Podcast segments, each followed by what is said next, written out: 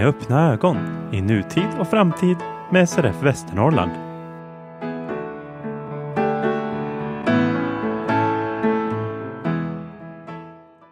Gott nytt år och välkomna till första avsnittet av Med öppna ögon 2023. Jag som talar heter Peter Kärnberg, men jag är som väl är inte ensam, utan här bredvid mig i studiosoffan finns också Frida Kalander. Hej du! Hallå, hallå! Och Kristoffer Thelin. Jajamän, tjena! Hej, ni låter laddade. Absolut. Ja då. Vi kastar oss in i vad som ska hända i det här avsnittet på en gång, tycker jag. Det är välladdat som vanligt. Vi kommer att börja med att prata med Jimmy Pettersson, intressepolitisk handläggare vid SRF Riks, angående den pågående färdtjänstutredningen och även kring det faktum att Trafikverket har hotat med att stänga ner de utrop som finns kvar på landets tågstationer. Fortsätter med att gå på syntolkad bio och träffa den nya syntolk som gjorde debut den 6 december. Vi avslutar det här avsnittet med att möta David Renström som är känd som arbetande vid företaget Insyn Scandinavia AB. Och eh, ofta har vi hört honom i taltidningar tipsande om diverse iPhone-tillgängligheter, datatekniska lösningar. Nu kommer vi att träffa honom naturligtvis i den rollen, men också som den privata David Renström. Och det vill ni inte missa. Frida och Kristoffer, vi måste ju ändå prata lite om året som har gått, tycker jag. Kan ni summera det och ni får välja? Om ni vill göra det ur ett SRF-perspektiv, ett privat perspektiv? Vi börjar med Kristoffer. Ja, det har väl hänt en hel del under 2022, framför allt i SRF. Eh, synpunkt. SRF-rörelsen, eh, eller synskaderörelsen i Västernorrland fyllde 100 år och det var ett stort eh, evenemang kring det och det var även ärofyllt att som ordförande få stå på scen och, och presentera inf inför det jubileet. Och det är också under 2022 som jag äntligen kom och gjorde slag i saken och startade upp en podcast då för SRF och det är det ni lyssnar på just nu. Och den hoppas jag väl ska kunna utvecklas och bli ännu bättre under 2023. Och podcasten ska vi komma tillbaka till, absolut. Om du var klar där, eller? Ja. Okej. Okay. Frida, vad säger du om det år som har gått? Ja, men jag håller ju med Kristoffer om att 100-årsjubileumet var ju verkligen en höjdpunkt under 2022. Men även skulle jag säga om vi tänker på en annan eh, händelse som samlade många synskadade så var det ju den manifestation som var på Mynttorget i Stockholm för färdtjänsten. Där vi säkert kanske hade hoppats på att vi skulle bli ännu fler, men jag tycker ändå att vi trots en pandemin började komma igång där och samla oss igen.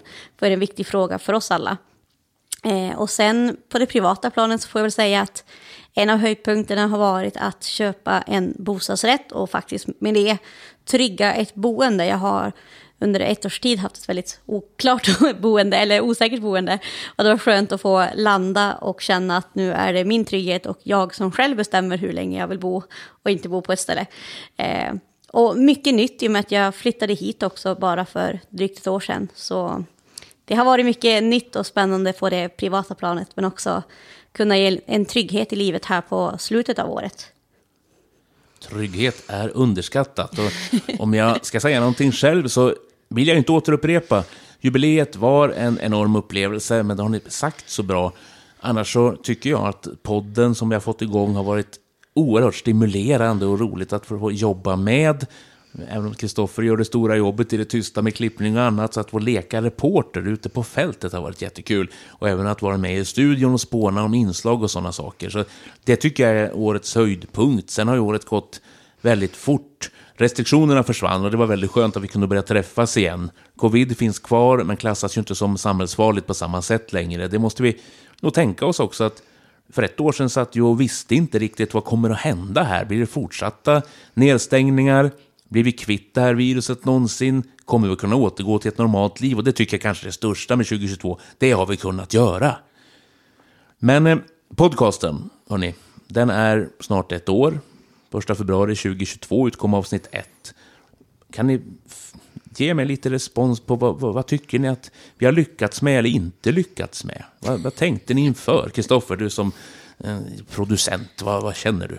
Nej, men jag tycker att vi har lyckats ganska bra med det vi ville. Att eh, få till ett, eh, en plattform att lyfta både intressepolitiskt viktiga frågor för SRF och sprida lite information om att leva och verka med synnedsättning.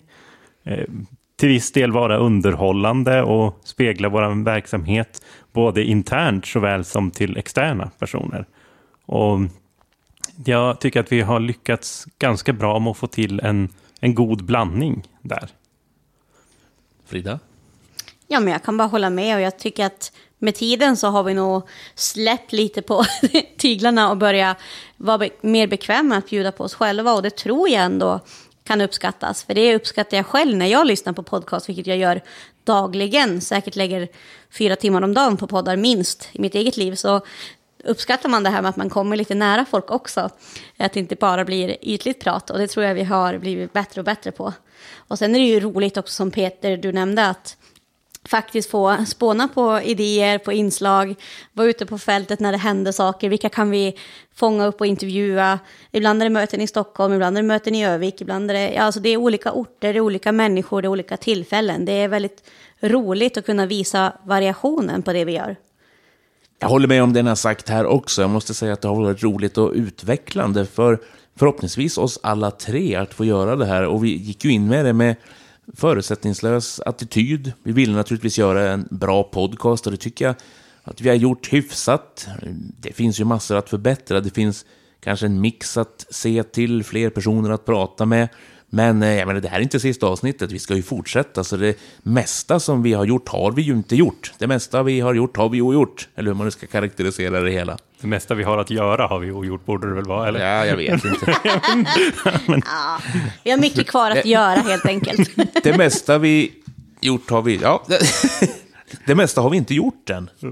Och nu när vi är lite varmare i kläderna så hoppas vi på att ni som lyssnare också är bekväma med att höra av er till oss och berätta vad ni vill höra för inslag, om ni har tips på personer att intervjua eller om ni själva har någonting ni vill berätta om. Så gör gärna det. Det uppmuntrar vi till i varje avsnitt, men det kan ju inte sägas nog. Välkommen till Med öppna ögon Jimmy Pettersson, intressepolitisk handläggare vid Synskadades riksförbund. Tack så mycket. Vi har kontaktat dig för att prata till att börja med om färdtjänstutredningen som initierades av dåvarande infrastrukturminister Thomas Eneroth efter att bland annat SRF, US och FSDB satte tryck bakom en stor kampanj för synskadades rätt till färdtjänst. Det var en manifestation på Mynttorget den 31 mars. Vi samlade in 16 301 namn för synskadades rätt till färdtjänst.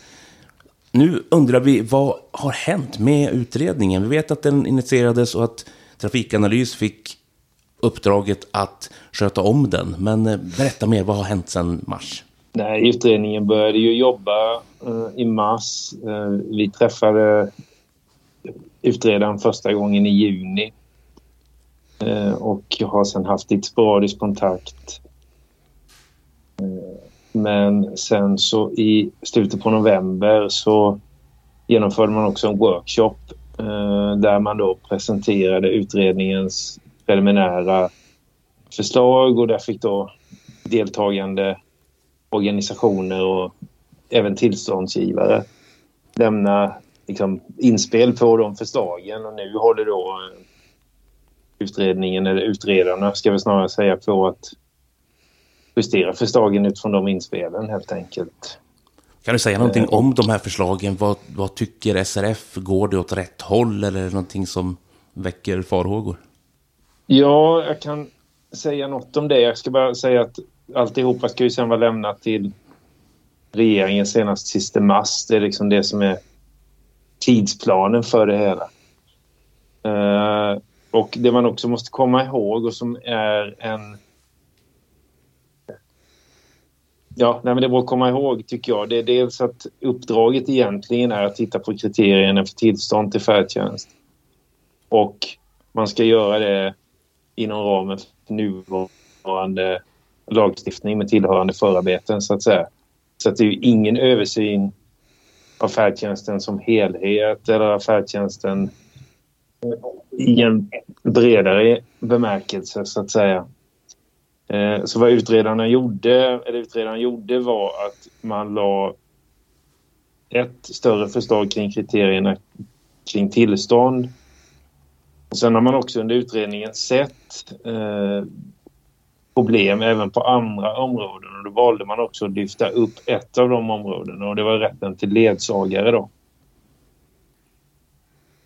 Eh, så att det är ju de två. Och om man börjar titta på det här med alltså förslagen kring rätten till tillstånd så kan man väl säga att eh, dels så vill man eh, införa ett slags syfte till färdtjänsten i första paragrafen av färdtjänstlagen.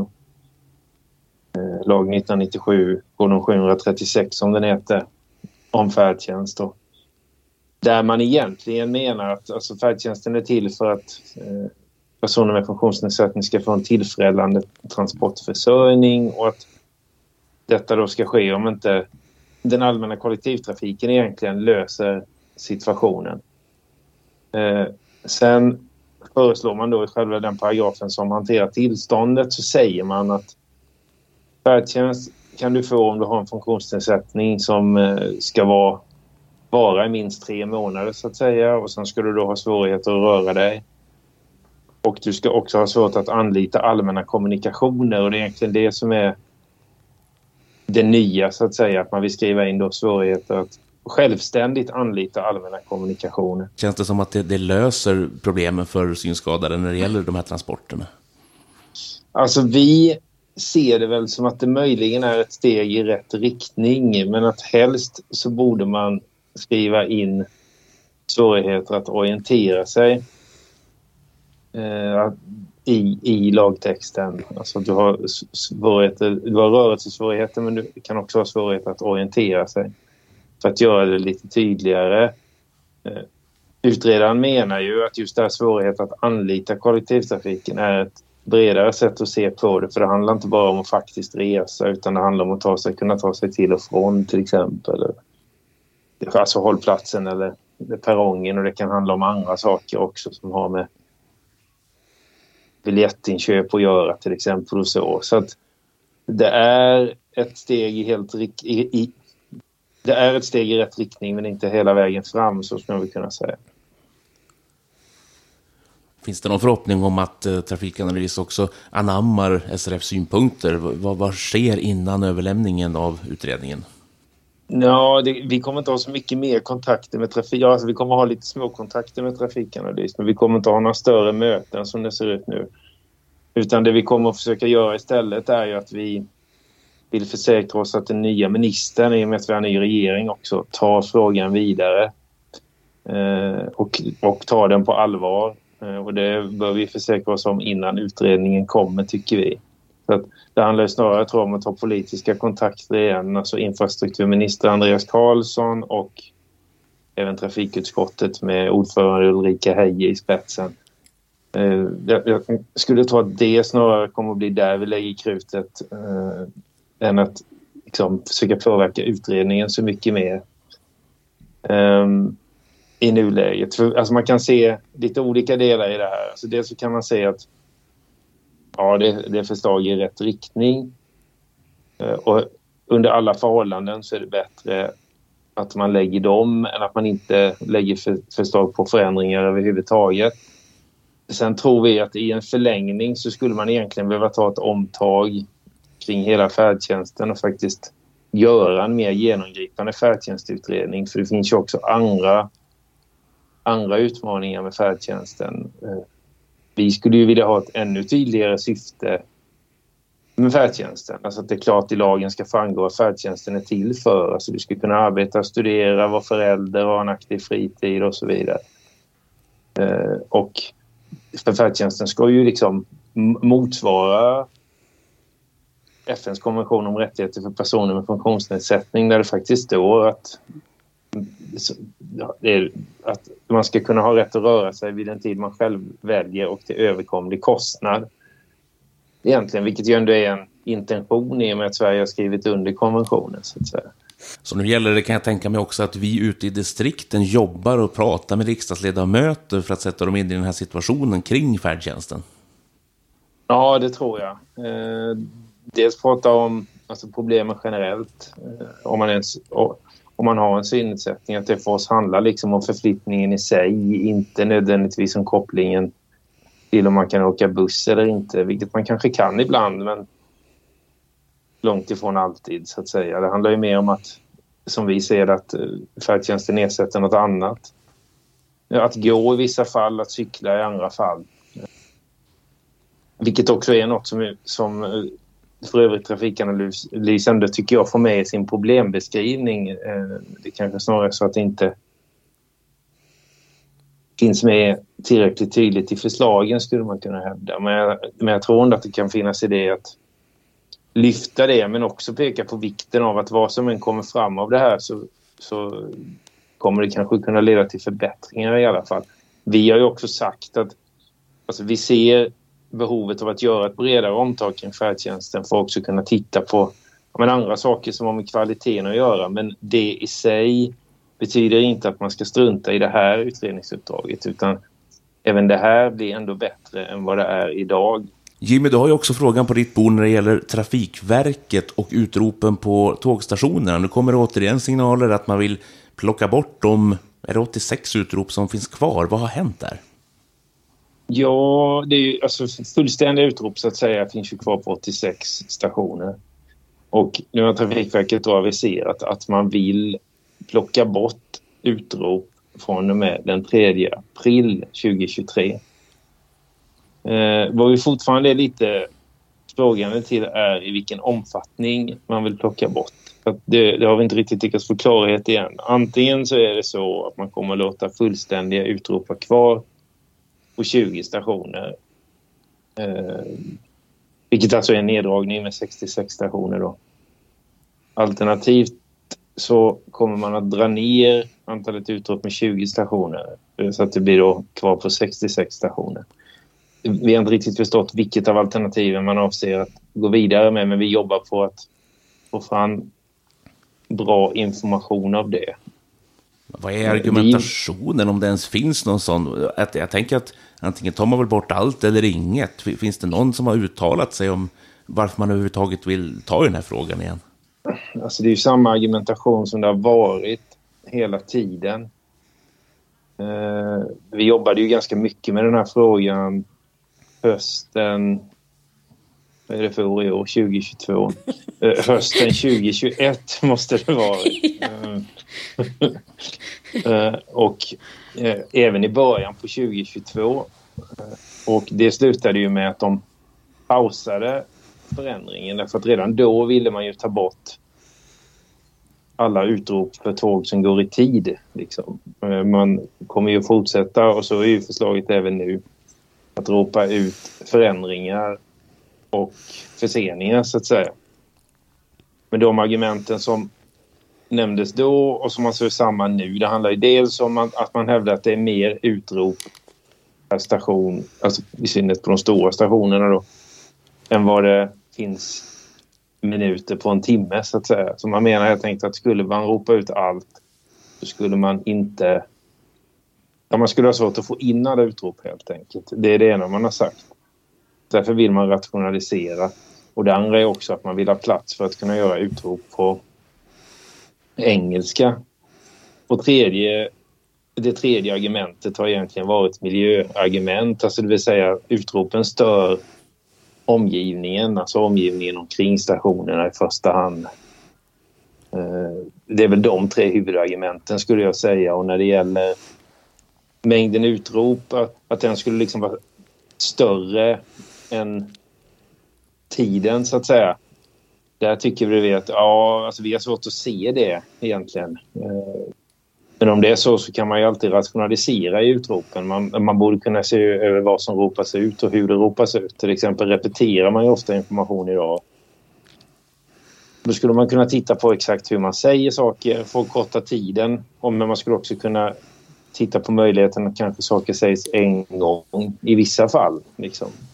Och vi tror inte heller att utrop på engelska är det, alltså vi tycker inte att det egentligen är ett jättebra argument heller. Um, och diskussionen i vintras då, strand, då, då pausade man ju utropen först i, i, eh, i, slutet på 2021. Sen hade vi ett avstämningsmöte i början på 2022. Då hade vi inte kommit närmare varandra. Och nu kommer nu det här förslaget. Så att man har helt enkelt inte släppt de gamla funderingarna och man tycker fortfarande att eh, det här skulle bli bättre. för resenärerna, vilket ju vi inte tror. För vi tror egentligen att det finns ganska brett stöd för utropen kvar. Och tycker väl också att den medieuppmärksamhet som var i frågan förra senhösten tyder på att vi har rätt i det fallet. Fortsättning följer får vi säga helt enkelt. Ja. Den 6 december syntolkades Länge leve bonusfamiljen på Bio Drakstaden i Sundsvall. Nu beger vi oss dit.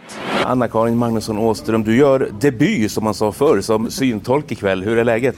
Jo, det känns lite nervöst, men jag vet ju att jag har en mina kunder är väldigt toleranta och överseende, så det känns bra. Vi är vana vid det mesta brukar man säga. ja, precis. Men det är inte din riktiga debut så, du har ju gått utbildningen och har den i ryggen om Jo, inte. jag gick ju ut utbildningen i maj. Sen har jag inte gjort eh, någonting direkt förutom haft kontakt med er, så det här är första, första gången i skarpt läge. Men du är laddad.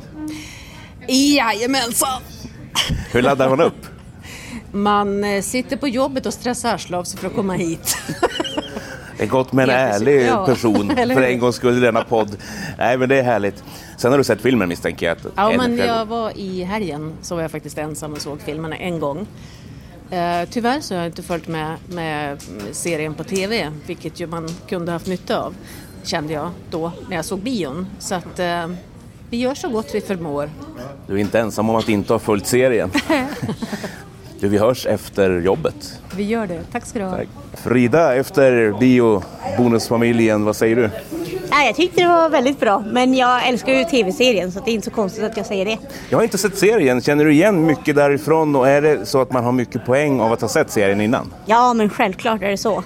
Det är ju, man, man kan ju alla relationskopplingar och man förstår ju när de hänvisar till olika saker.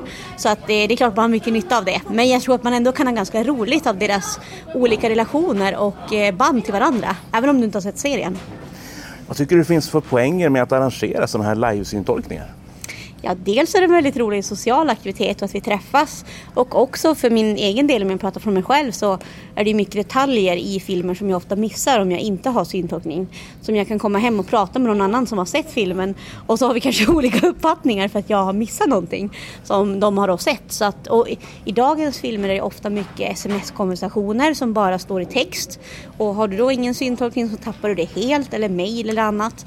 Det är mycket liksom nymodern kommunikation som sker i filmer som bygger på att du ska kunna läsa texter väldigt snabbt. Det känns också som att det är en väldigt viktig social del av SRF Sundsvalls verksamhet det här. Ja, men det håller jag med om. Jag tycker det är jätteroligt sen jag flyttade hit att det är någonting vi gör regelbundet. Anna-Karin, efter filmen, hur är läget nu? Jo, eh, det är bra. Det var roligt faktiskt. Sen så finns det ju så mycket mer man skulle vilja ha berätta och beskriva. Så det, det känns ju surt. Men jag försökte hejda mig när jag började prata över dialog. Ibland är det Eh. nästan nödvändigt att göra det, i alla fall i sällsynta fall tänker jag. Ja, och precis. Och kunna välja. Jag pratade väl över någon låt där, en discodänga och så. För att beskriva. Men ja, men det känns bra. Lite varm om kinderna, men annars känns det bra. Pulsen har gått ner. Men det är en hel del förberedelser inför ett sånt här jobb. Ja, det är ju lite... Alltså, nu har jag ju sett den här filmen en gång. Men jag menar, finns det möjlighet så vill man gärna se den fler gånger. Speciellt om det är filmer så mycket namn som det här då. Men annars skriva introduktion och försöka beskriva lite grann sånt som man inte hinner säga under filmen och så. Sen försöka plugga in namn. Ingela Hofsten, också syntolk, då var det med som, vad kallar ni det för? Inte bisittare, vad heter det? Ja, assistent, ja men bisittare är väl också, vi har, vi har något sådär. Men, men i alla fall hjälpa till med fixa med lurar och, och sen så förstås eh, kolla att allting funkar. För så brukar det ju vara, att ni är oftast två syntolkar, en som faktiskt tolkar och en som assisterar. Vi försöker ju göra så eh, när det är möjligt. För att det är, eh, särskilt om det är många som ska ha lurar och det, det kan vara på teatern när det är kanske långa avstånd och sånt där så kan det ju vara lite eh, svårt att hinna med det som syntolk också. Där sitter man ju ofta på en annan våning också. Bion kan ju vara lite lättare men, men det här var ju första gången för Anna-Karin. Då kändes det ju självklart att hon skulle ha med sig en, en, en hjälp, hjälpperson. Och jag tror det var 2011 som du debuterade, kommer du ihåg det? Ja, ja jag Din gjorde första. teater första gången ja. Eh, men vad det var för föreställning? Då var jag ensam. Då hade jag ingen med mig faktiskt. Det var skarpt läge. ja, vi hade inte kommit på det där riktigt med, med att, vi skulle ha, att vi skulle vara två då. Men eh, jag, jag, jag minns att jag var väldigt, väldigt nervös men att jag nog efteråt tyckte att det hade gått hyfsat. Och så var ju ni så himla snälla. Man fick ju inte en massa... Jag hade säkert behövt en del kritik då. Men Eh, Laddar du annorlunda idag jämfört med för 11 år sedan när du började som syntolk inför en jag är inte föreställning? lika nervös. Det är jag ju inte. Är det samma process? Ja, i stort sett så är det ju samma. Man, man har väl fått en del eh, knep, tror jag, med, med liksom, eller vissa, vissa sätt att uttrycka sig, eller vissa, vissa eh, eh, hur man beskriver folk och sånt där. Tro, eh, känns det som, men det kanske ni märker mer än jag. Men, men eh, eh, eh aj, eh,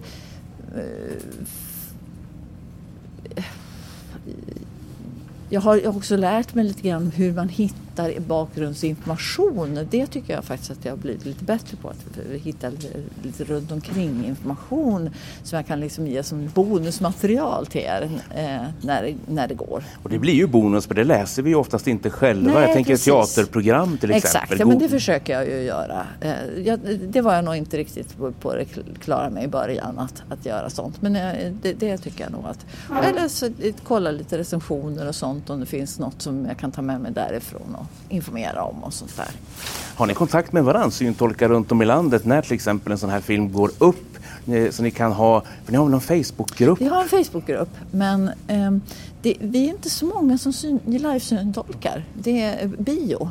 Eh, teater är det ju men då är det ju ofta eh, lokala föreställningar så det är ju ingenting man kan på något vis. Men det verkar ju vara få som livesyntolkar bio. Eh, däremot så är det ju flera av dem som med den, den gruppen som, som är också eh, eh, appsyntolkar. Så att de, de, eh, ibland så händer det att folk eh, ställer någon fråga och sådär. Men, men nej, det är inte sådär jättemycket tyvärr. Det vore bra om det var mer tycker jag. Men det, det borde jag ju själv bidra till förstås också.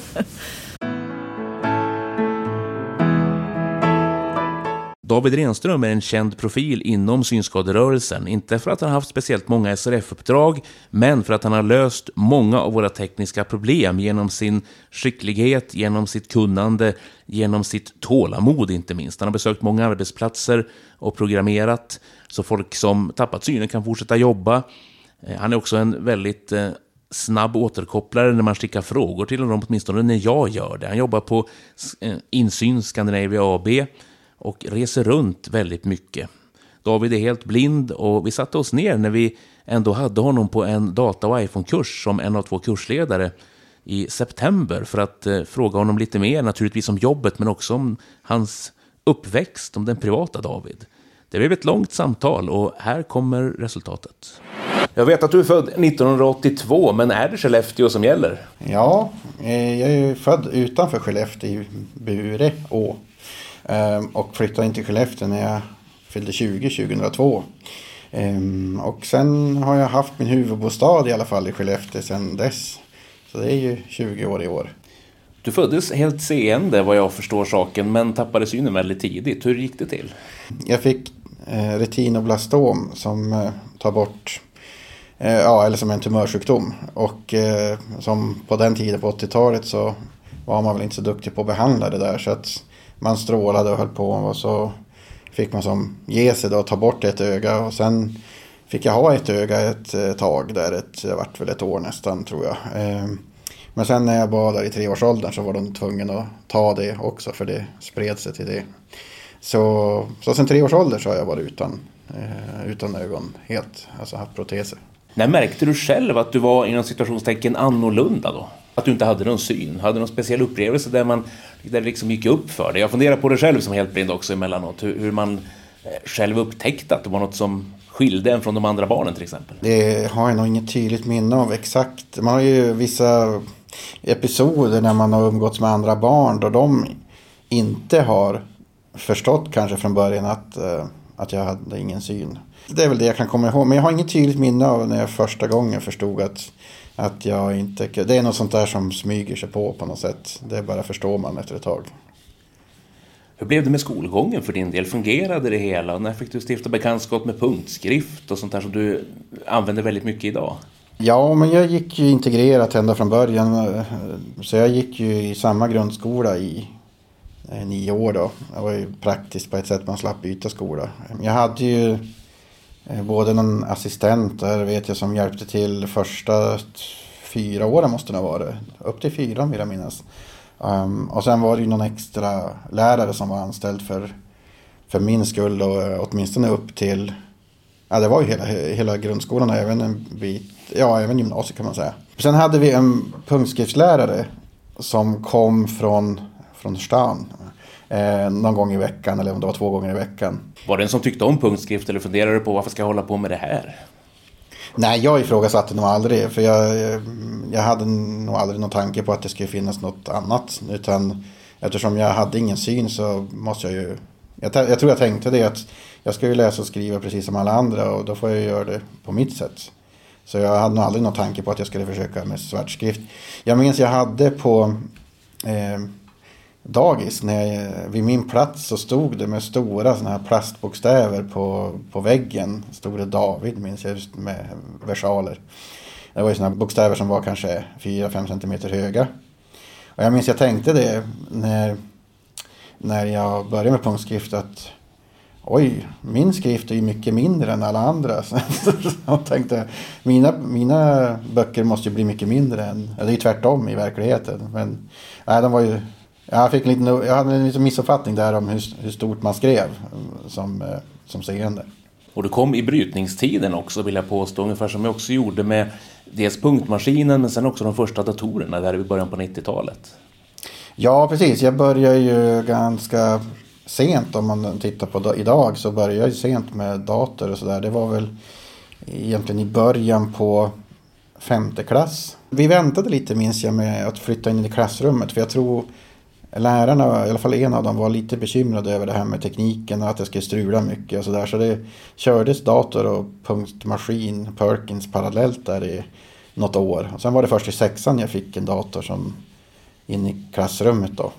Vad gjorde du på fritiden under de här åren? Ja, vad gjorde jag? Det var mycket, det var mycket kompisar man var med sådär i första åren i, när man var i skolåldern. Så där. Sen det där Eh, klingade väl av lite grann. Man kanske fick nog, jag vet inte. Men, äh, men jag, jag blev lite mer sådär att jag tyck, trivdes mycket att vara ganska själv. Och, speciellt när jag sen fick mycket datorintresse och sådär. Att sitta och lära mig saker och lärde mig programmering så småningom när jag var, gick i sexan, sjuan någonstans där. Um, Hur lär man sig programmering i den åldern? Det är knappast så att du går någon gymnasielinje då? Nej. Det, det är eget intresse eller? Nej, ja, ja precis. Ja, dels så läste jag nog på lite det som fanns i själva datorn. fanns det lite sådana här Eh, kanske inga pedagogiska böcker direkt men det fanns hjälpfiler man kunde läsa och sådär. Men det var ju egentligen fel sätt men så började jag i alla fall. Eh, sen hittade jag ju på, på TPB hette det på den tiden, det som är MTM idag. Men då hittade jag eh, några, lite äldre talböcker och, som var inlästa på 80-talet då. Som jag kunde börja med och lära mig. Jag lärde mig rätt mycket där om, om eh, liksom grunderna i hur det fungerar med programmering och så. Så det minns jag, det var ju jättekul tyckte jag då. Jag tycker väl fortfarande programmering är roligt. Men idag har man inte lika mycket tid att hålla på med sånt. Det förekom på den tiden också läger. Vi träffades, och jag säger vi för jag var också med och många andra också i Umeå på Strömbäcks folkhögskola. Vi brukar lite nostalgiskt säga åh vilka tider, men jag tycker att det ligger någonting i det också. Kan du berätta lite om de lägren och vad de betydde? Dels tänker jag för utvecklingen eh, som synskadad individ och kanske också som teknikintresserad. Ja, eh, för mig så var ju de här veckorna verkligen någon slags inspirationsdagar. Alltså att man fick träffa andra. Dels tror jag det var viktigt bara att få träffa andra synskadade. För det gjorde man inte så ofta ändå. Det var någon, någon gång per år eller kanske två. Man gick på den här årskursbesök på Tomteboda eller något sånt där. Men det var ju inte heller varje år. Eh, men de här Strömbäcksbesöken det såg man ju fram emot långt i förväg. Måste jag säga. Eh, just det här att få träffa andra och verkligen hålla på med de här sakerna som jag tyckte var intressant och, och ja, fascinerande. Och man fick lite inblick i vad som var kom, vad kom snart och vad är det för teknik som, som är på gång. Och Eh, ja, lite sådär. Så eh, jag, jag, tror de där var jätteviktiga. Och eh, jag tycker det är lite sorgligt att de verkar vara nedlagda just nu i alla fall. De där veckorna. För jag skulle unna dagens barn i den åldern att, att få komma på sånt där. Kände du många synskadade innan de här lägren? Hade du träffat någon i Skellefteå till exempel? Ja, jag hade väl träffat någon sådär men eh, jag hade ju, eh, jag hade ju en jämnårig kamrat som som också var gravt synskadad som bodde i och för sig inte i Skellefteå men inte mer än, som vi säger i Norrland, inte mer än 7-8 mil bort. Något sånt där. Som, vi omgicks ju inte eh, in, ens varje månad eller så utan men vi höll ju kontakten och det blev väl mer och mer. Det var inte så mycket där i början av om man säger grundskoletiden men då vi, vi tror vi träffades första gången när vi gick i ettan. Men som småningom där på in på mellanstadiet och högstadiet så hade vi väl ganska mycket kontakt telefonledes i alla fall. Och vi besökte ju varandra ibland också och så där, när det var lite mer lov och så. Var du med i Synskadades riksförbund på den här tiden eller Unga Synskadade som det då hette? Vi, vi hade då kontakt med SRF och, och, var med på saker. För det var ju, föräldraföreningen var ju ganska stark då i Västerbotten och jag, jag tror även i andra distrikt uppe i Norrland. Så det var ju några gånger vi var, var på några sådana här resor Sen så, US vet jag att jag var på första lägret 97, alltså när jag var 15 år. Eh, och jag var nog medlem sen en bra stund. Jag kan ha varit medlem ända sedan jag var typ 12-13 där någonstans. Eh, men jag var alltså med ett läger 97 och sen dröjde det nog till 2008 innan jag var på nästa läger. Jag var ju med i återuppstarten av US Norr där 2008 och sen eh, hoppade jag in ett tag där i styrelsen eh, på Riks från, som ersättare 2010 och sen vart det som ordinarie 2011 till 2013. Eh, och sen var ju det min sista år då. Eh, så jag gick väl egentligen fel, eller fel ska man inte säga, men jag gick bakvägen. jag, tvärtom, man brukar ju börja med US och sen hamna i SRF normalt sett. Men jag var ju faktiskt med i lokalföreningens styrelse i SRF Skellefteå redan 2005. Mellan 2005 och 2012 tror jag det var. Jag satt där. Och jag var som ordförande också ett par år där mellan 2000, mm, ska jag tänka, var det 2008 till 2010 tror jag. Vad läste du på gymnasiet?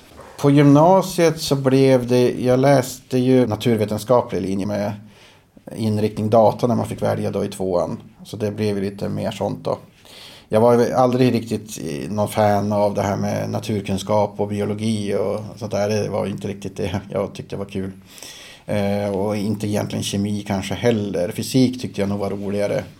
Eh, men det var ju liksom tekniken jag var mer intresserad av.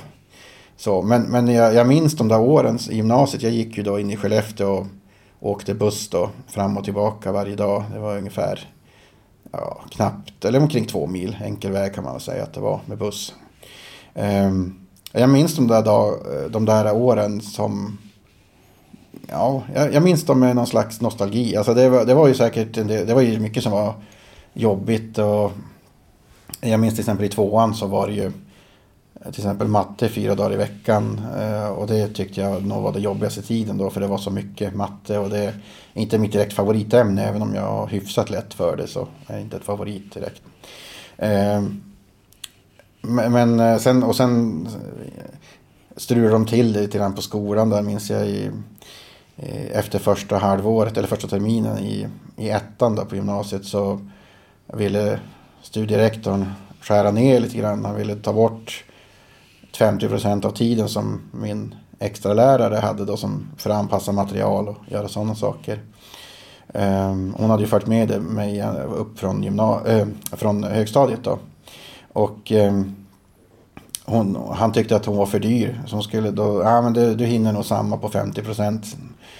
Uh, och då sa hon, det gör jag inte alls. Uh, och då Ja men nu får du bara 50. Ja men då kan inte jag jobba kvar. För då menar hon på att då kan, vi, då kan inte jag göra ett bra jobb. Och det förstår jag att hon gjorde. Så då plockar de in en, en, eh, en helt oerfaren som inte kunde något om punkt eller något sånt där. Eh, som skulle då, fick då heltid för han var ju billigare såklart. Eh, men då blev det så att han blev ju inte lika mycket hjälp såklart för mig utan han, eh, jag fick ju ibland visa han hur han skulle göra saker och sådär. Och jag hade väl fullt upp med det jag skulle göra. Så jag hade väl inte tid med det egentligen. Så det var en lite tung tid där, vintern. Vintern eh, 99 blir det ju då. För övrigt den kallaste vintern på många år. Jag tror det var drygt 40 minusgrader eller något sånt där. Eh, I alla fall så, så blev det ganska kortvarigt det där experimentet för att Eh, den här studierektorn blev ju i princip hatad av alla, inklusive mina föräldrar och syncentralen och lärarna. Eh, så att eh, efter sportlovet så var min förra extra lärare var tillbaka. Och så att säga ordningen var mer eller mindre återställd då. Så, så det var väl en sån här onödig episod som tog på krafterna också. För alla och för mig framförallt kanske. Jag var väl lite less efter trean sådär. Kände att jag måste nog fundera lite kanske ett år också vad jag vill göra och sådär. Så att jag hade ett litet slacker-år där. Där jag eh, hade någon slags KPU hette det då. Jag kommer inte ihåg vad det står för. Men det var en sån här eh, praktik för ungdomar. Eh, så jag hade det eh, från, ja, från kan man säga sommaren till nästa sommar. Eh, och så sen började jag på eh, universitetet då. Luleå universitet som Eh, hade praktiskt nog en filial i Skellefteå så att jag behövde inte åka till Luleå utan jag kunde bo kvar. Eller rättare sagt, jag kunde, det räckte med att jag flyttade in till Skellefteå. Det var då jag kände, kände väl att det var dags att flytta till eget när jag hade passerat 20 och skulle börja universitetet där så, så flyttade jag till en, en liten sån här lägenhet. Det var ett litet privatägt hyreshus. En, kanske 10 minuters promenad från universitetet. Det blev ganska perfekt tycker jag. Jag var väl aldrig riktigt sugen på att bo i studentkorridor. Dels för att jag är lite sådär, jag känner inte att jag vill ha det stöket som kan bli och framförallt inte kanske dela kök med många andra. Eh, där man inte hittar saker och det kanske inte är så välstiskat och välstädat. Och jag vill gärna ha bra ordning och reda omkring mig. Hur många år har du varit studierna sen och vad, vad blev du formellt utav det? Ja, studierna, det var ju treårigt då, som det heter, filkand. Så 2006 så gjorde jag examensarbetet klart och, och redovisade och sådär. Och då efter det kan man då titulera sig högskoleingenjör i datateknik. Och idag vet vi att du jobbar på Insyn Skandinavia AB, men vägen efter universitetet och dit är jag lite nyfiken på. Eller mycket nyfiken på till och med. Det blev faktiskt så att jag fick någon slags arbetspraktik specialare för att ha något att göra. Så, så jobbade jag på lokalföreningen SRF faktiskt i, i nästan ett år då. Och eh, styrde upp en del saker med hemsidor och moderniserade lite IT-infrastruktur och lite sånt där. Så, så det var ju kanske inte det jag hade tänkt men det, det fick ju tiden att gå och jag hade något att göra i alla fall. Så det var ju bra. Men sen då så eh, på våren, eh, man kan säga då i april tror jag det var, 2007. Så eh, det var ju så här att eh, en, en eh, man som heter Per-Henrik Åström, han jobbade tidigare på syncentralen. Startade eget företag inom synbranschen som hette Synutveckling. Och 2007 så hade ju han var ensam då i kan man säga då fem år. Jobbade själv. Och ville ha någon som kunde jobba och framförallt jobba med gravt synskadade kunder och sådär. Plus att han ville ha någon som kunde vara inne mer på kontoret för han var mycket ute. Så att någon som kunde ta telefonen och lite sånt där. Ehm, så då började jag eh, 2007 där och jobba. Och eh, man kan väl säga så här att, eh, att jobba med Norrland som upptagningsområde, det är mycket yta. Ehm, det är inte så himla mycket folk överallt. Men man, man, eh, man var, ja, så det var, inte, det var inte så att det hopade sig jobb för mig direkt. Det var det inte. Ehm, så det blev rätt mycket jobb, eller vad ska man säga, innejobb på kontoret och sådär. jag hade inte så mycket kundkontakt i början och så, utan det kom väl mer och mer kanske, men i vågor skulle jag väl säga. Ehm, så, så höll det på och vi expanderade ännu mer sen 2014 och blev en till, en tjej som började jobba hos oss. Så vi var tre stycken då. Eh, 2014. Men sen 2016 så bestämde då de här andra två delägarna att de ville köpa upp eh, synutveckling. Så från 2016 i september så började jag jobba för Insyn då. I, som är baserat i Stockholm. Men fortsatte att ha kontor i Skellefteå då. Men eh, eh för mig blev det här ett lyft då för att jag fick ju mycket mer utmaningar som var roliga. Eh, träffa mycket mer kunder. Eh, resa mer över landet eftersom då upptagningsområdet ökade från Norrland till hela Sverige kan man ju säga egentligen. Eh, och jag, fick, jag kände verkligen att jag fick utvecklas mer. Och, och eh, ja, lärde mig mer om produkter och sådär eftersom ja, jag hade mer kunder och behövde lära mig mer. Om du skulle berätta, vad gör du på jobbet? Mycket för oss är ju att lösa problem. Vi ska dels utbilda folk i att använda sina hjälpmedel och det kan ju vara JAWS och punktdisplayer men det kan också vara eh, ja, läskameror och annat. OCR-produkter som skannar text och det kan vara lite allt möjligt. Sen är det specialanpassningar som är då jag får nytta av min programmeringskunskap då. Ehm, när man kan göra lite oan, halvt oanvändbara program kan man göra användbara kan man väl säga. Som, det kan vara alltifrån journalsystem till de program som adressändring använder till exempel. Eh, vi har gjort anpassningar hos polisen. Vi har varit på Sveriges Radio. Vi har varit på Nasdaq i, i Stockholm. Eh, eh, ja, det, det, finns många olika ställen vi har varit på och fixa så att synskadade eller blinda ska kunna jobba med, med det de vill.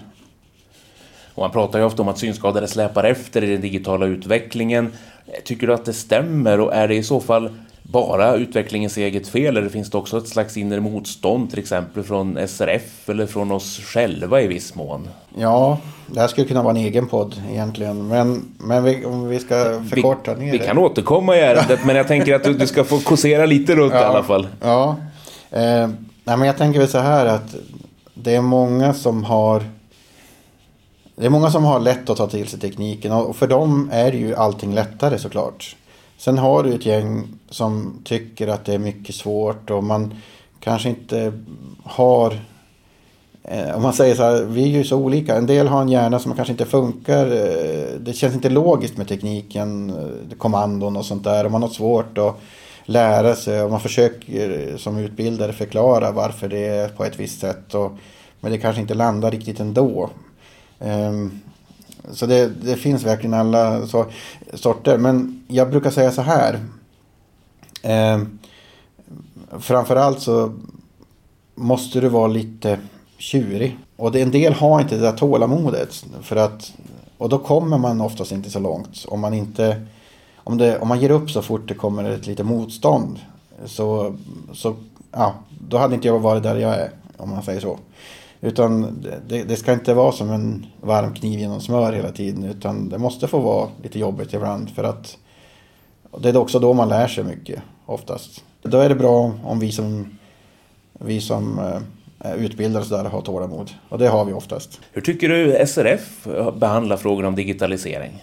Jag har inte jättebra inblick tyvärr måste jag säga ändå hur, hur, eh, hur man tänker i olika frågor där. Men jag tror det är rätt som man gör i vissa distrikt att man anordnar eh, lokala kurser eh, för medlemmar så att de kan eh, eh få ta till sig tekniken. För att eh, många säger ju så här, ja men det, det här borde syncentralerna till exempel jobba mer med att få ut så att man kan folk kan lära sig tekniken och sådär. Och syncentralerna de, de försöker ju oftast komma undan med att ja men vi lär bara ut hjälpmedel, vi lär inte ut hur man använder internetbanken eller något sånt där. För det är inte vårt uppdrag. sådär. Men eh, därför tror jag det är en ganska rätt väg att gå det här med som eh, till exempel Dalarna gör nu. Vi ska hjälpa till där nere i höst. Eh, vi ska eh, hjälpa till dem med torsdagskurser där, där vi kör eh, jag tror det var sagt ungefär tre timmar varje gång. Då vi, samlas i grupp och eh, eh, går igenom olika saker som har med ja, datorer blir det väl i första hand och JAWS i det här fallet. Då. Eh, och får alla ställa frågor och eh, eh, man får gå igenom sånt som folk är intresserade av. Eller som vi kör här i helgen då. Att, att samlas en helg och köra intensivt i ett par dagar. Det kan ju också vara en variant. Finns det några andra verktyg som måste slipas eller något annat som måste göras för att synskadade ska få en bättre möjlighet att utveckla sitt digitala kunnande som du kommer på? Jag tror mycket är eget ansvar också. Man, det, det, är många som skriker över att de, be, de får inte lära sig och de måste, måste söka, eller eh, ja, de får inte lära sig och det, det är svårt och sådär. Men jag tror man måste också ta, försöka själv att söka kunskapen på något sätt. Och då menar jag typ genom sådana här kurser eh, att försöka se till att det blir sådana genom SRF eller på något sätt. Eh, eller att, att eh, lyssna på det finns ju mycket poddar nu för tiden. Man kan lyssna på och lära sig mycket. Det finns eh, YouTube-klipp eh, både på svenska och engelska till exempel om hur JAWS fungerar eller, eller vad det nu är för någonting man är intresserad av. Så det är ju läget att ta, få information, alltså olika kanaler har ju aldrig varit bättre egentligen än vad det är nu. Men eh, eh sen, sen så förstår jag att det tar en del tid om man Eh, men man kanske måste ge sig den tiden. Ehm, det var som en kund frågade mig en gång eh, så här. Ehm, ja, men det, det, varför ska jag som synskadad måste lägga en massa extra tid på, på att göra det här eller lära mig det här? Ja, du har ju ett alternativ. Det är att sluta vara synskadad. Så har vi löst det. Det är liksom... Det är klart att det måste, vi måste acceptera att vissa saker tar tid. Ehm, Sen behöver man inte lägga så mycket tid på, på te teknik och så som jag har gjort. Men, men eh, jag tror man måste vara beredd på att offra lite grann. Av just, just tid och tålamod eh, tror jag är en bra grej. Och en annan sak som många synskadade upplever som besvärliga det är ju att resa, att förflytta sig. Men det känns som att du gör lekande lätt. Eh, om det nu är sant alla gånger vet inte jag. Men du reser ju extremt mycket i ditt jobb. Hur, hur tycker du att det fungerar att ta sig fram? Man kan säga så här att eh, ja, det, det, det att, att, för mig är ju resan, eftersom jag gör det så mycket och varje, i princip varje vecka. Så, så är det väldigt odramatiskt. Det, det, det var ju såklart första gången när jag skulle resa i jobbet själv så är det klart det är lite mer spänt eller man är lite mer eh, sådär uppmärksam och kollar saker ordentligt innan. Eh, men jag menar idag så händer det ibland att jag bokar tågbiljetten fem minuter innan tåget går. Det är ganska avspänd. Där är man inte, där är man inte stressad. Eh, men, men det är väl vana helt enkelt. Alltså, jag förstår att många tycker att det är skrämmande och speciellt om man kanske har blivit synskadad i vuxen ålder. Eh, så är det skrämmande att resa själv. Och, eh, oavsett om det är tåg eller buss eller flyg. Eh, men det jag kan säga är att folk är väldigt trevliga för det mesta. Eller alltid skulle jag nog säga. Det är sällan jag har upplevt att Folk kan vara lite ohjälpsamma ibland så man får fråga någon annan. Men det är ovanligt. Ehm, eh, annars så reser jag som sagt väldigt mycket med tåg. Jag åker mycket mellan Stockholm och, och Umeå då. Skellefteå har vi ingen tågstation tyvärr i nuläget. Ehm, men just det här att fråga om eh, vilken vagn man det är och, och vilken plats det är och sådär. Det är aldrig något problem. Och då kanske någon frågar varför har jag inte ledsagning? Eh, ja, det handlar helt enkelt om att jag vill inte lägga så mycket tid på att sitta i telefon och boka ledsagning. Ehm, och, och, och de, jag bokar alltid ledsagning om det är en station eh, där jag inte har varit förut. Ehm, som jag inte hittar på. Då, då, då kan jag boka ledsagning. Men när jag åker på de här som är välkända för mig, då gör inte jag det. För att ehm, ja, jag, jag, tycker att det går så pass bra ändå. Så, att, så det, det är mest bara besvär att, att eh, boka eftersom jag kan inte boka i appen där jag bokar alla mina resor i, i telefonappen. Utan jag måste efter att jag bokar resan ringa sen och då blir det som nej, det är inte värt besväret. Det känns ju också, det känns ju också som du kombinerar eh, reslust, nyfikenhet och teknik. Jag vet att eh, när vi satt i Östersund så skulle du dra iväg till tåget och säga ja men ska du boka taxi? Nej, nej, jag går. Jag har GPS i telefonen, jag har lite koll här så att jag, jag använder den och så tar jag mig ner i god tid. Så att det måste ju också vara en nyfikenhet, samma sak som du säger att man måste ha drivkraft att lära sig teknik. Och det måste ju också vara en eh, känsla för att man måste våga sticka iväg och testa exempelvis en tågresa. Ja, ja men precis. Jo men det är väl det drivet jag har haft mycket det här att Ja men eh, så kan man tänka sig, ja men det där verkar ju eh, svårt men, men, ja, men varför skulle det vara svårt? Det kan man, ja men det måste ju gå. Och så provar man.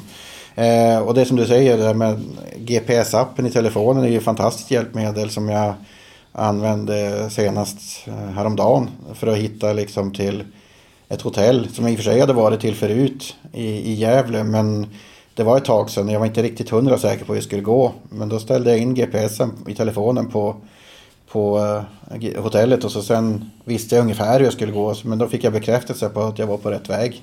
Vad gör du när du inte reser och inte jobbar?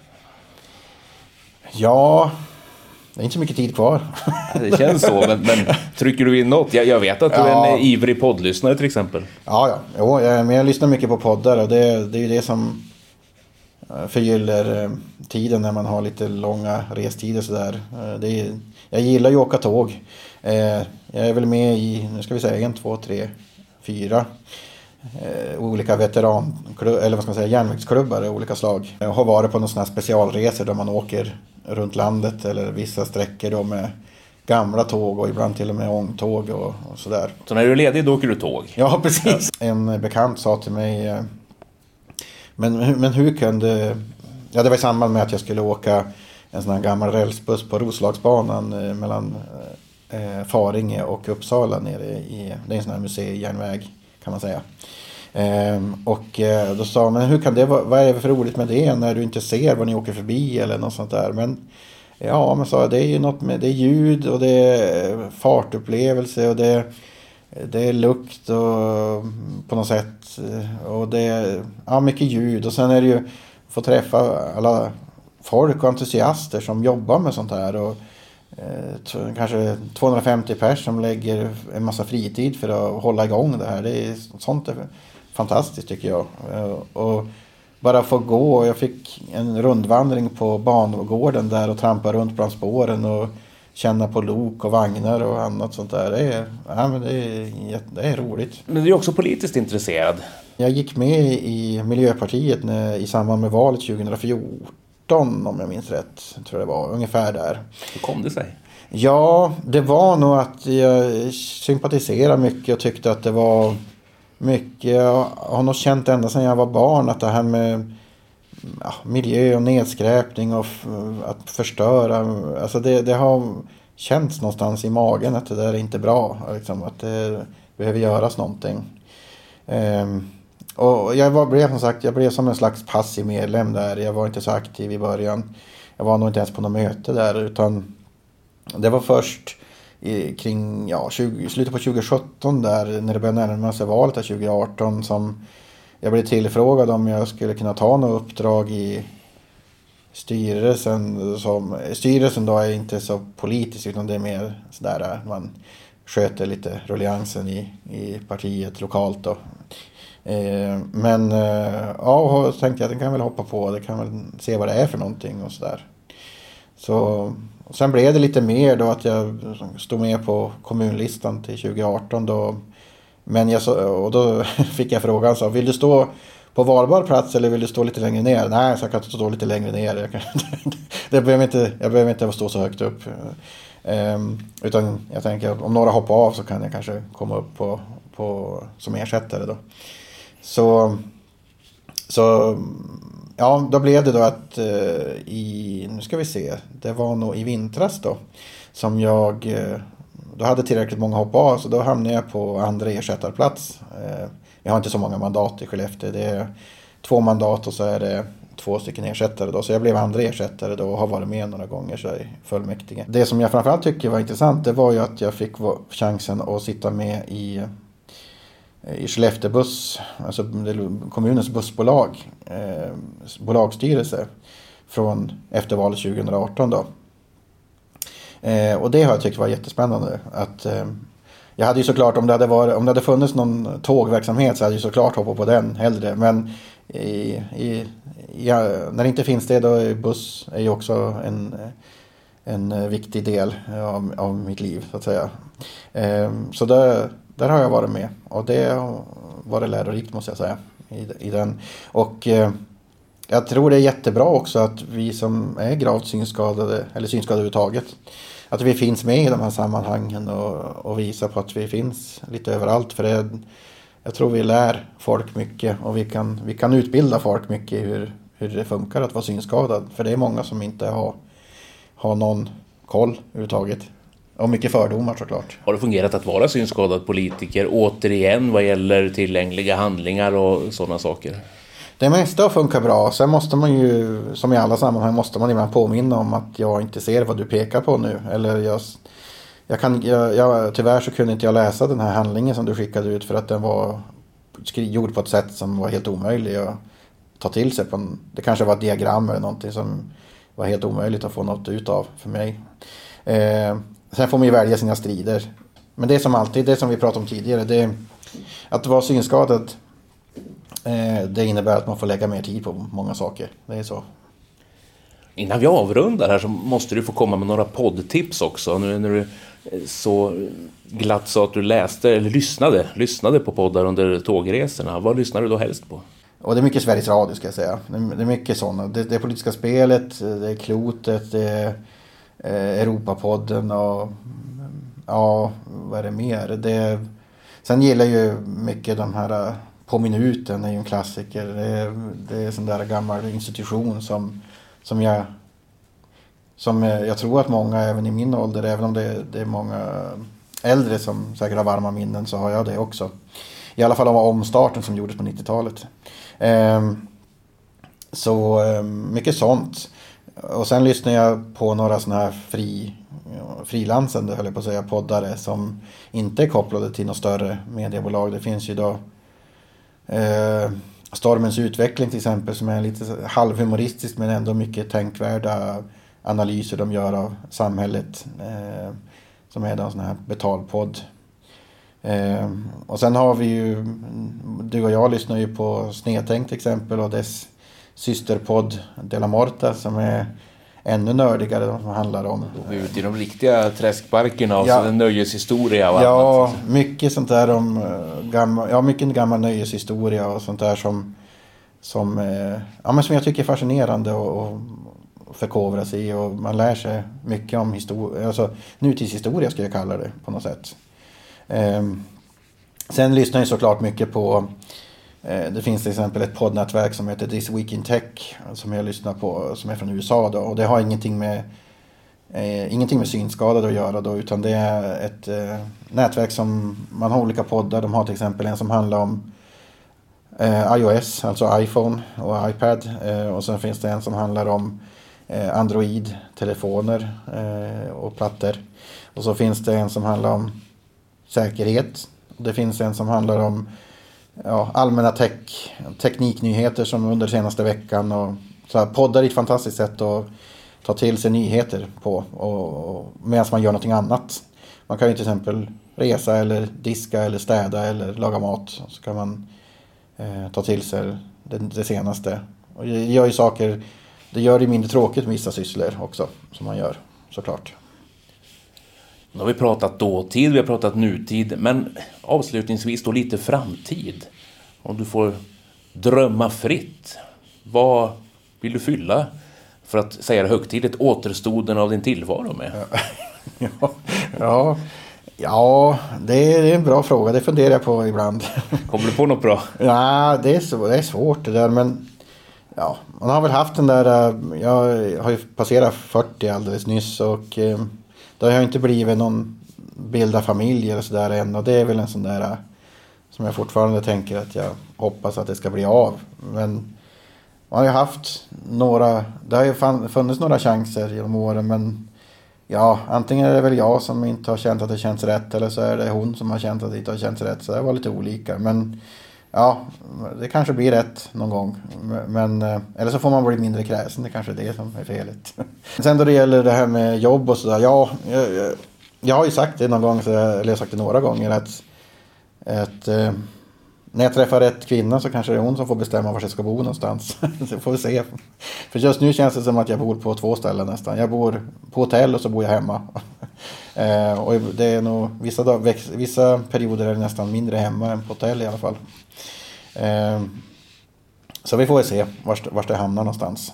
Man vet ju aldrig, det kan ju bli helt plötsligt att man hamnar på ett annat jobb och eh, får en annan tillvaro. Det vet jag inte. Nu har jag ju jobbat i den här branschen ganska länge, det är 15 år. Men eh, jag avser väl att jobba ett tag till i alla fall. Det känns inte som jag vill sluta just nu.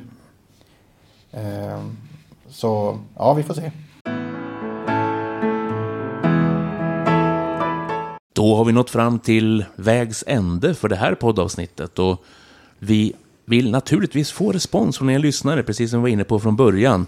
Ni når oss på e-post vasternorrland srf.nu. Vill ni hellre ringa så kan ni göra det med fördel till ombudsmannen Frida Kalander på hennes telefon 076 539 9225. Och återigen hörni, gott nytt år eller god fortsättning. Jag vet inte vad som är mest korrekt att säga den första januari. Det jag däremot vet är helt korrekt är att vi hörs igen den första februari.